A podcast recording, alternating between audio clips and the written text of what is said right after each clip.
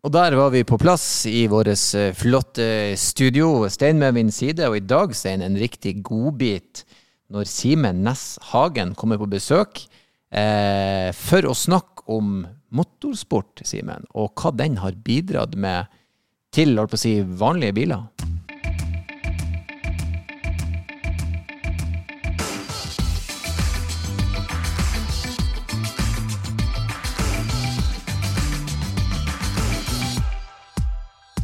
Det er jo et veldig interessant tema. Ja, veldig. Det er jo Én ting er jo gleden med motorsport, selvfølgelig med all fart og spenning og alt det, men det er ikke minst hva det faktisk bidrar med, og, og påvirker utenfor motorsporten. Det er ikke så mange som egentlig tenker over alltid. Mm. Og så syns jeg det var interessant at vi skal bare begynne der med en gang. For eh, nettsida som du driver der, eh, den heter parkferme.no. For meg var det ukjent eh, inntil fem minutter siden, men dere to selvfølgelig da vet hva det betyr. Men du kan jo ta for lytterne og bare forklare dem hva betyr det? Parc fermé det er jo fransk. Jeg er veldig dårlig fransk, men jeg kan Parc fermé, og det betyr lukket parkering. Eh, og det er vel eh, i praksis bilsportens dopingkontroll. Eh, det vil si altså alle bilsporter, da, fra bilcross på breddenivå her i Norge til Formel 1, har Parc fermé. Og det, de parkerer, må legge fra seg bilen etter mål, eh, gå fra den, eh, så blir den låst inne i et område. Så kan de sjekkes for juks. da. Mm. Så enkelt og greit det er det Parc fermé. Og det da går på tvers av alle bilsportgrener som finnes. Mm. Så om du driver med rally eller Formel 1, så er parfyme samme organet. Da får du i utgangspunktet ikke lov til å gjøre noe med bilen, da. sånn at eh, den er på en måte låst inne der. Så Det er jo også en, eh, en del av eh, F.eks. etter en Formel 1-kvalifisering, så skal jo bilen være slik fram til de kjører løpet i utgangspunktet. Mm. Det må være en jungel av ting å sette seg inn i hvis du jobber som kontrollør ja, det er, eh, det er, ikke alt man kan sjekke i Park Fermé heller, men man kan jo også ta videre beslag i bilen hvis det er høy mistanke selvfølgelig, eh, om, om juks. Og man må rett og slett demontere omtrent hele motoren for å se om det er noe ulovligheter inni der, f.eks. Mm. Men eh, stikkprøver og, og, enkle overfladiske kontroller er jo da mulig å ta i Park Fermé-sonen. Mm. Så Sånn kan man da sjekke for juks, da. Og det, det har jo skjedd opp gjennom at man blir tatt. da. Ja, og så er det jo sånn at uh, Veldig relevant i det temaet vi skal snakke om nå, da, så er det jo sånn at uh, juks har helt sikkert vært med på å drive fram noen av de innovasjonene ja. som har kommet i motorsport, og som senere har tatt veien til vanlige biler. Fordi at uh, det handler jo hele tiden i motorsport så handler det jo ofte om å begrense. fordi at hvis du gir helt altså Det har vi jo sett f.eks. i Formel 1, også i rally og i andre, i andre sporter hvor det er tunge aktører inne. da, Så er de jo villige til å bruke helt ubegrensa med midler, nesten. Altså Vi snakker om Når det var på det største, så brukte jo de største Formel 1-teamene rundt 5 milliarder i året på å kjøre da på det tidspunktet et sted mellom 16 og 18 løp, liksom, med to biler. Så det er klart at eh, det er jo Det brukes jo noen kroner her, for å si det sånn. Du kunne bygd tunnel ut ja. til alle øyene utafor Bodø for samme ja. summen. Ja, det, er, det er jo sånn i bilsport, det er jo en kamp mellom ingeniørene og de som setter reglene. Det er de som, eh, de som bestemmer, og det er jo ingeniørene som pusher grensene. Mm. Til dem da enten går over eller finner smutthull, og så må de begrense igjen. Og så går bilene litt tregere igjen, og så, sånn som i Formel 1, da, nye regler neste år, kommer til å gå litt saktere. Og så om fire-fem år kommer de sikkert til å gå like fort igjen som i dag, for de finner, finner på nye ting. Og det er jo de tingene òg som gjør at vi får eh, bedre, sikrere tryggere og morsommere biler i, i trafikken òg. Mm. Har du noen bra eksempler på ting som eh, ble født inn i motorsporten, og som endte opp i min bil?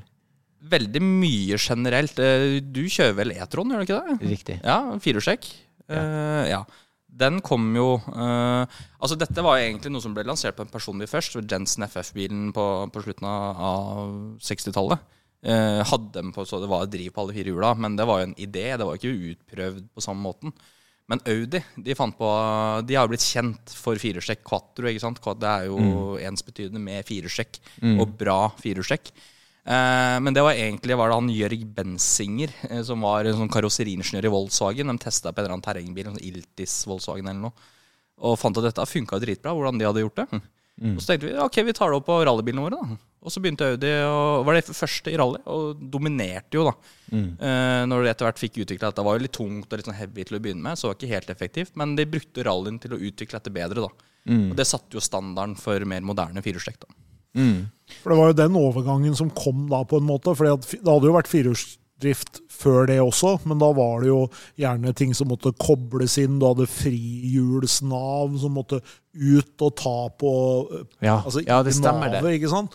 Og, og det er klart at hvis du kjører en gammel eh, Hvis du kjører en militær gelendevagen gelendervagen eller tilsvarende, så er jo firehjulsdriften er jo fabelaktig i forhold til å ta seg fram, men det var jo helt ikke brukbart i det hele tatt å kjøre med på veien, og det var jo der på en måte eh, Audi og, og de som på en måte begynte å gjøre den jobben der sånn, da, fikk dette til å fungere i rally, og så tok det utrolig liksom eh, Fikk det bredt ut i gatebilene, og da kom jo selvfølgelig alle de andre fabrikkene etter. Ja, for dette var jo på starten av 80-tallet. Kom Audi inn. Eh, og så vant vel da VM i 83 og 84. Og så Michelle Moutot, da, som er den eneste kvinnelige vinneren av VM-runde rally. Hun kjørte Audi og vant. Og kjempa om VM-tittelen de, de åra der. Og Stig Blomkvist og, og Marco Alén, eller hvem var det, som, som tok VM-titlene. Men så kom jo da Peugeot, Lancia, MG, Ford. Kom videre, og dette ble den gruppe B-æraen i rallyen da, som ble helt ekstrem. Og det var jo det som på en måte da satte standarden. Da hadde alle, så å si alle bilene i toppen hadde da firestrekk. Og i dag så er det jo sånn at uh, på en del merker så er det jo nesten fabrikasjonsfeil og hvis du kjøper bil uten firehjulsdrift. ikke sant? Det har jo blitt helt vanlig hos, uh, hos mange av særlig premiummerkene. Og så er jo det på en måte noe du, du, du bare må ha. Er det den Skodaen som jeg kjører, som har noen halvdekks firestrekk, hvor du i praksis har uh, frammesjekk når du kjører og det er tørt og du ikke trenger noe mer. Så kobler den på, på bakdiffen når, når du må, hvis det begynner å slippe eller et eller annet sånt. Og så røyker jo uh, halvdekkspumpa da bak, så jeg kjørte jo lenge med framhjulstrekk. Jeg, jeg merka ikke det om sommeren, men så kom jeg til vinteren, og det skjedde jo ingenting. Jeg bare sto og spola. Ja. Da hadde jeg mista firehjulstrekken, og det var jo et sant helvete, det. Det var jo ordentlig fiasko av firestrekk, og det var jo utrolig kjipt da å kjøre med tohjulstrekk. Ja. Ja, Firehjulstrekk er virkelig noe som på å si, ja, det, det er jo, i, i, I nordmenn sine preferanser så er jo firehjulstrekk nærmest eh, ja, Alle må ha det. Ja. Du skal gjerne ha en SUV, du skal ha firehjulstrekk, så dieselen har vel vært eh, inntil nylig den mest populære Ja. driften. Tar jeg feil eller regenerering? Kommer ikke det fra Formel 1? Jo, eh, så vidt jeg veit. Det kan hende du har litt mer peiling enn meg der, Stein, men det begynte jo, var det i 2009, det begynte med dette KERS-systemet. Eh, det var ikke direkte hybridmotorer som vi har i dag, men det var jo starten på den elektriske æraen i Formel 1. Eh, og klart man, da hadde man jo regenerert energi for å ha strøm til å få litt boost. Det er sånn I bilsport så tenker vi at den miljøvennligheten vi har med, det er egentlig bare en hyggelig bieffekt. Vi skal ha mer boost. Krefter skal gå fortere. Og Da var det vel sånn at de samla opp energien. Williams de hadde vel en slags svinghjul man kunne lagre energien på. Det måtte ikke være batteri nødvendigvis, men det blei jo ikke noe suksess, det. Nei, altså Problemet med å ha et svinghjul da, altså sånt, Det er jo bare å ta et Hvis du tar og holder opp et sykkelhjul og snurrer det rundt, og så prøver du å vri det rundt, Ja, så kjenner du den motstanden. Det er klart at det var ikke nødvendigvis en fordel å ha et sånn svinghjul i den bilen som, som roterte med 20 000 omdreininger, liksom, for at det gjorde jo bilen vanskeligere å svinge. Men man testa ut det, og det er jo en teknologi som brukes i, i andre sammenhenger, og som Williams solgte videre. Men det er klart, den derre energilagringen som, som ligger i de systemene som brukes både i Formel 1 i dag og ellers, det er jo ikke bare, ikke bare den innhøstingen. For i Formel 1 i dag så, så høster man jo både energi fra varmen fra motor- og eksosanlegg, og fra Fra bremsene. fra bremser. Så du henter jo fra to steder, da, hvorav den varmeenergiregenereringa er ganske avansert og ganske kostbar, mens den andre er jo det samme som du har på, på din bil, og som er på, på dagens elbiler. Jeg har kjørt både EQC og E-tron, og begge har de eh, si, paddle-skift, bare at du genererer strømmen til å lade opp, så du kan komme deg lengre. da. Det er sånn som jeg bor ganske høyt oppe i, i byen, altså når jeg skal til sentrum. Så, og jeg, jeg har en elbil òg, så ja, det er, så, så det, er ikke, det er ikke nødvendigvis bare status å bo der oppe, men det er greit nok. Poenget er at når jeg skal nedover og bilen er fullada, så får jeg ikke regenerering, for det er jo, det er jo fullt i batteriet. Ja. Så da jeg har ikke noe reservebatteri å få tatt vare på den energien på. Det er litt sånn eh, rart når du kjører med elbil, for at da, du utvikler en sånn kjørestil hvor du Ja, ikke tråkker så mye bremsen, du bare slipper gassen og får tilbake energien. Og så føles det litt bort, bortkasta når du kjører forbrenningsbil, for du, nå er det bortkasta de, de kreftene du bruker opp ned her, dem får du ikke tilbake igjen. Men det Mm. får du på elbil, og takket være da, til å begynne med Formel 1, da. Dere er jo på en måte litt inne på det her, men er da også hybriden eh, ut ifra motorsport? Handler det da om boosten, og så ble det da til en slags kombinasjonsbil når de si, videreutvikla den energien. Det er, det er vel to deler. En ting er boosten, men det reduserer også utslippet, for du trenger ikke bruke like mye bensin.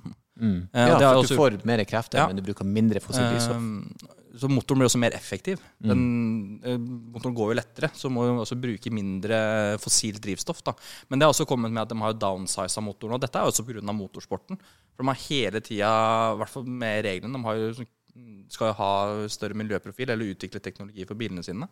Og Da må du pushe grensen, og da har du gått ned på motorstørrelser og likevel har klart å få samme kreftene. Så nå er det 1,6 litere i Formel 1, og det er det rally-VM òg. 1,6 litere. Er det 1,6 Ja, ja, liter? så uh, I en to, Formel 1-bil? liter finnes ikke lenger. inn i- Det, er, det lages ikke noen nye to liter i motorsport lenger. Er det, det må jeg si, det var nytt for meg. Så er 1,6 liter. Ja. Det er det som jeg hadde i Mazdaen min. Da ja. Jeg fikk lappen, for guds skyld.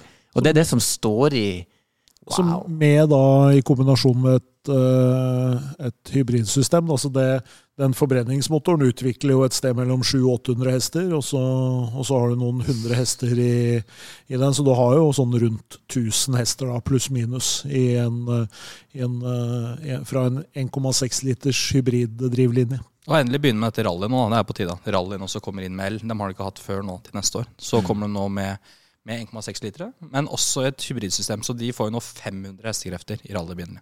Så når de får boosten, så kommer de til å gå som et olje av lyn. Men de bruker jo, for jeg snakka med, med Mats Østberg, som kjører for Citroën, og han sa det at eh, de bruker jo, de bruker jo fort ti liter eh, per bil, liksom, når de kjører på, på fullt. Det Så det er klart at det er, eh, noe, det er noe å gå på her, da. Så motorstørrelsen den har de rett og slett bare over årene så har regelverket sagt dere får mindre og mindre på si, liter, desiliter, milliliter å kose dere med, og så må dere da Dette er vær så god å få ytelser. Ja, og Det skjer jo det samme på biler. ikke sant? Du ser jo det i dag, så har jo en, eh, en, en eh, Du får jo store SUV-er i dag som har 1,2 liters motorer. Kanskje tresylindra motor med, med 140-150-160 hester. Mm. Ford var jo veldig tidlig ute med, med den 1 liters tresylindra Ja, ja, og, den, turboen. og den kjører med nå altså Det som er underklassen til firestekkerne i rally, det er jo da tohjulstrekkere. eh, Forhjulstrekkere, og Ford har jo vært foregangsfigur der, med énliteren. Men det er turbo. Den produserer 200 hester. Så, og så nå har det kommet en sånn mellomklasse igjen med firehjulstrekk, men det er énliters motor med, med over 200 hester. Mm. Går, går som pokker. Det er imponerende. Men sånn rett, rent bortsett fra hvis vi tenker motor og drivlinje, det er andre ting som har funnet veien fra eh, motorsporten og over. Ja, altså Én ting er jo Nå er ikke akkurat karbonfiber det billigste materialet, så det er ikke det store volumet av det, men det er blitt utforska mye med tanke på sikkerhet. Mm. Det var jo Williams, nei, McLaren var det vel i 81, eh, var først ute med sånn karbonmonokokk da, rundt sjåføren. fordi den fant ut det er jo lettere materiale, men også sterkere. Eh, Så det er en god kombinasjon for motorsport. da. Eh, Men eh, det ble jo satt spørsmålstegn ved sikkerheten, så de andre Formel 1-teamene var ikke så imponerte over at McLaren skulle over på det her. De hadde henta den inspirasjonen fra fly, da, som eh, er mye annen teknologi som har kommet over i biler, at man har sett det i flyindustrien. Eh, og så var det han eh, Hva het han? Han Watson? Nei. Eh, dette er jo lenge før min tid, men jeg lurer på var det John Watson han het, da, som hadde en ganske stygg krasj på Monza. Og det er sånn krasj eh, man var vant med en tid i dag, kunne like gjerne daue. Eller i hvert fall bli ganske kvesta. da. Ganske stygg krasj. Han gikk ut av bilen. Og da skjønte alle at de siste skitt. Så da fra Dette har da- noe ja. for seg, liksom. Så da ble det karbonmonokokker. Og det, det handla også om at det, den klarer også å ta imot energien på en annen måte.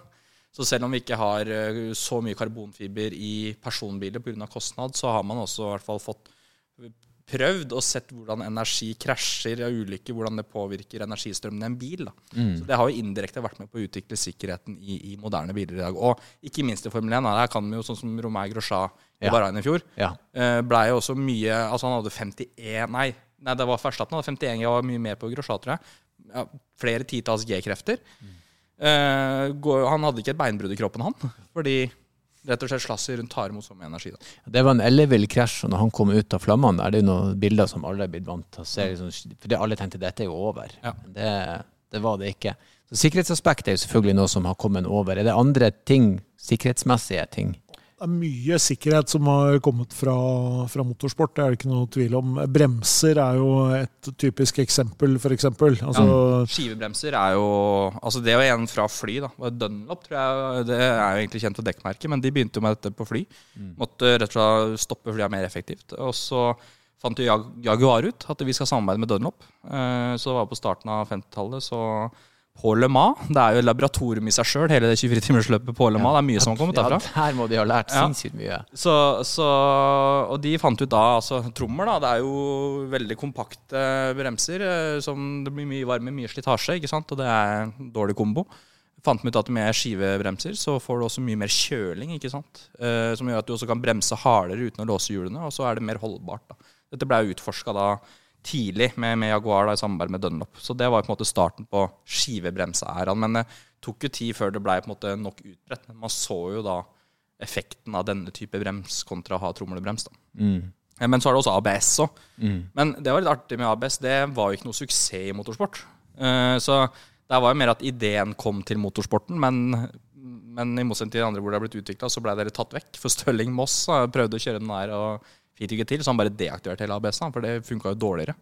Men Så for det var liksom ikke kompatibelt med kjøremønsteret i motorsporten? du skal jo kunne bremse ekstremt hardt, og disse racerførerne har jo også en veldig de har jo veldig sånn feeling på, på en nedbremsing. Da. Så, og noen ganger ønsker du jo nesten å låse hjulene, i hvert fall bortimot. Altså helt på grensen, liksom. Mm. Så, det, så det fungerte nok dårlig der. Men det er ikke noe tvil om at eh, mye av den utviklingsarbeidet som ble gjort i motorsport, da, det tok man jo med seg da videre inn i, eh, i bilproduksjon. Og det samme gjelder jo altså når vi snakker om skivebremser, så er jo én ting liksom konseptet skivebremser, men så har man jo ventilerte bremser, man har doble skiver. altså Det har vært testa ut veldig mye, og det er klart at når tideler har noe å si, og når tusendeler har noe å si på en, på en rundetid, så er det klart at da er du villig til å gjøre ekstremt mye da, for, å, for å nå de måla. skal jo sies at vi har jo ABS på moderne racingbiler i dag òg, i GT3-klassene verden rundt. Atle var jo prata så stolt om at han hadde kjørt en GT3-bil her, blant annet. Og, og den klassen internasjonalt har jo ABS, eh, blant annet, og noen andre klasser. Og, og det er jo også fordi de bilene er jo bygd på egentlig gatebilen, så de prøver å holde så mye standard som mulig også. Ja, Det er rett og slett fordi de får samla så mye data òg, så mye erfaringer med når du får pusha grensene på bilene. For du får jo pusha det på en helt annen måte på en bane enn på en vei. Så du får jo på en måte mye kortere tid å kunne eh, utforske hvordan dette fungerer på. Så vi har jo ABS i motorsport som fungerer veldig bra i dag, og som antageligvis da blir jevnt utvikla og utforska hele tiden gjennom motorsporten. Ja, ABS er noe som jeg personlig er veldig glad i. Jeg, når jeg kjørte opp, så lærte vi pumpebrems som en teknikk. Du må ikke glemme å pumpe bremsen. regner med Stein Aall lærte det, mens jeg tror ikke noen ungdommer i dag er sånn Du må pumpebremse, det er sånn, vær så god, og brems. Livsfarlig. Jeg tok førerkort, så var vi sånn på ute på hjulet og bremsa. sånn, sånn, sånn der stav du pressa. ja, men det er veldig, det er veldig fort gjort å glemme, da, fordi at jeg, jeg, var og, jeg tok ut en, en litt eldre bil som jeg har på, på veien her i, i sommer, og så, og så var det, kjente jeg at det var litt vibrasjon, og måtte liksom sjekke om det var i bremseskivene eller om det var i, i hjula eller hva det var. Da. Så jeg hadde ganske bra, bra, bra fart, og så bare bånda jeg bremsepedalen. Og da jeg huska at eh, Stemmer det? da. Det er ikke ABS-bremse på den her. Det er bare fire stive hjul som bare står på asfalten. Så det tar liksom en sånn brøkdel av et sekund før du liksom Nei, stemmer det, nei. Og så videre igjen, liksom. Ja. Så det er klart, eh, de som lærer å kjøre bil i dag, med alle de førerstøttesystemene som, som finnes der, de, eh, de vil nok få seg en overraskelse hvis de satte seg i en bil fra 84, f.eks. Men så er det sånn hvis du reiser til Rudskogen, og Harald Heusmann sier at nå skal du ut og prøve Porscha vi har her, eh, så sier han at hvis nå ESP-en, altså antisgrensen, hvis den slår inn, eller ABS-en slår inn, så overkjører du bilen. Så skal man kjøre fort og ha det gøy, så skal man ikke utfordre hjelpemidlene. Men det er jo der for en sikkerhet. Da. Men uh, kjøreferdighetsmessig så skal det ligge så på grensa uten at de tingene slår inn. Da. Det er liksom en sånn liten gyllen regel på det. da. Men Også litt fordi Harald er glad i de bilene sine. Det kan også selvfølgelig være. For det, Ja, det er klart det kommer alltid noen som er bedre til å kjøre enn Louis Hamilton på, de, på sånne kjørekurs. Ja da. Ja da. Vet ikke om du kjenner noen Erlend? Jeg kjenner flere av de. Jeg, jeg, jeg har vært på kjørekurs, og det er utrolig hvor fort man føler at dette kunne jeg levd av. Sånn, det kunne du ikke i det hele tatt. Jeg synes det var, Du hadde en veldig god historie med en gang du kom, som jeg tenkte vi må liksom avslutte med. En av de tingene som jeg eh, syns var så festlige ting som har kommet fra motorsport og over i våres. Ja, for det må ikke være high-tech. Det her. Altså, det er ikke sånn at motorsporten bare utvikler og oppdager høyteknologiske ting. Det kan også være helt simple ting fordi det er en god idé. Eh, sladrespeilet, eh, speilet du har i midten av bilen din, den kom vel som en direkte årsak av Indy 500, eller Indianapolis 500 i 1911. var det det? Eh, det er- begynner å bli langt tilbake, men eh, på den tida så, så kjørte, man, eh, kjørte man med to i bilen. På Indy 500. Ikke for at du trengte en kartleser for å fortelle at du skulle svinge til venstre, men han var en slags spotter. da. Så, så Rett og slett bare se de andre bilene. Følge med rundt, ikke sant? se hvor det ligger an osv. Men så fant man ut at eh, hvis jeg kan spare én gubbe, så sparer jeg litt vekt og litt luftmotstand. Så setter jeg heller opp et speil, så har jeg kontrollen sjøl. så det er jo, er jo eh, eh, Ja. Men for en nydelig idé. liksom. Ok, Her har jeg liksom 80 kilo mann ved siden av meg som sitter og spotter. Eh, fjern han. Jeg har et speil som veier Ti gram. ja, ti gram, og så ser jeg akkurat det samme.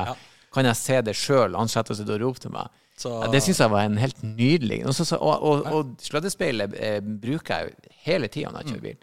Jeg kunne ikke sett for meg å ikke ha det. Nei, det er et veldig viktig sikkerhetsaspekt, selvfølgelig. Selv om det handler ikke så mye Klart det er jo sikkerhetsaspekt i det på Indianapolis der òg, men det er jo mer av konkurransemessige årsaker. Så, men det er mye sånne artige ting fra, fra bilsporten. Hvis du har kjørt en Porsche, så er jo tenningsbryteren på venstresida der.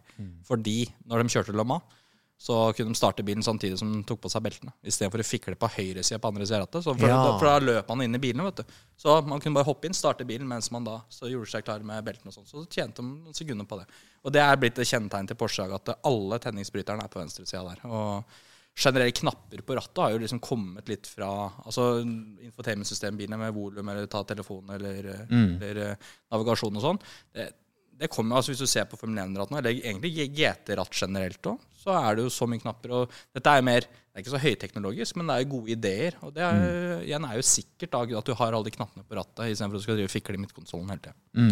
Samme er jo med paddle shift, selvfølgelig. Altså giring på spak da, eh, bak rattet, som jo fins på veldig mange biler som er langt unna sportsbiler i dag. Og kanskje for veldig mange først og fremst en gimmick. Det er ikke så mange som bruker det hver eneste dag, akkurat. Det ble Men, lenge kalt eh, for F1-giring, var det ikke? Hvor du hadde de paddene, Var Ferrari var jo først med det i 89. Husker du at Med- FN-giring? Det var veldig røft hvis du hadde bil med FN-giring. Men det var jo egentlig Porsche som utvikla den girkasseteknologien på, på Le Mans. Med, med altså semiautomatisk dobbeltklatsj, hvor du kunne gire uten å måtte kløtsje.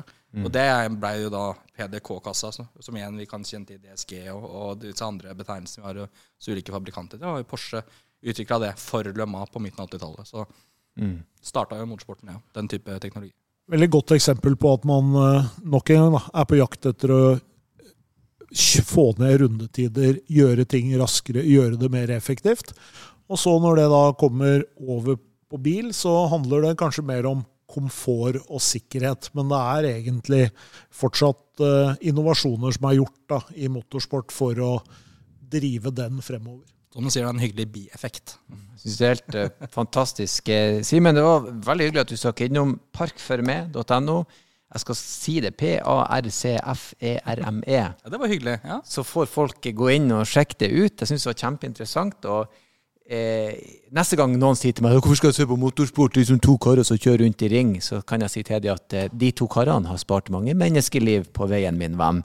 Derfor skal vi ha motorsport. Så det er bedre. Eh, takk for besøket, og vi håper at du får tid til å komme innom en annen gang. Og så sier jeg som alltid, eh, kjør forsiktig. I like måte.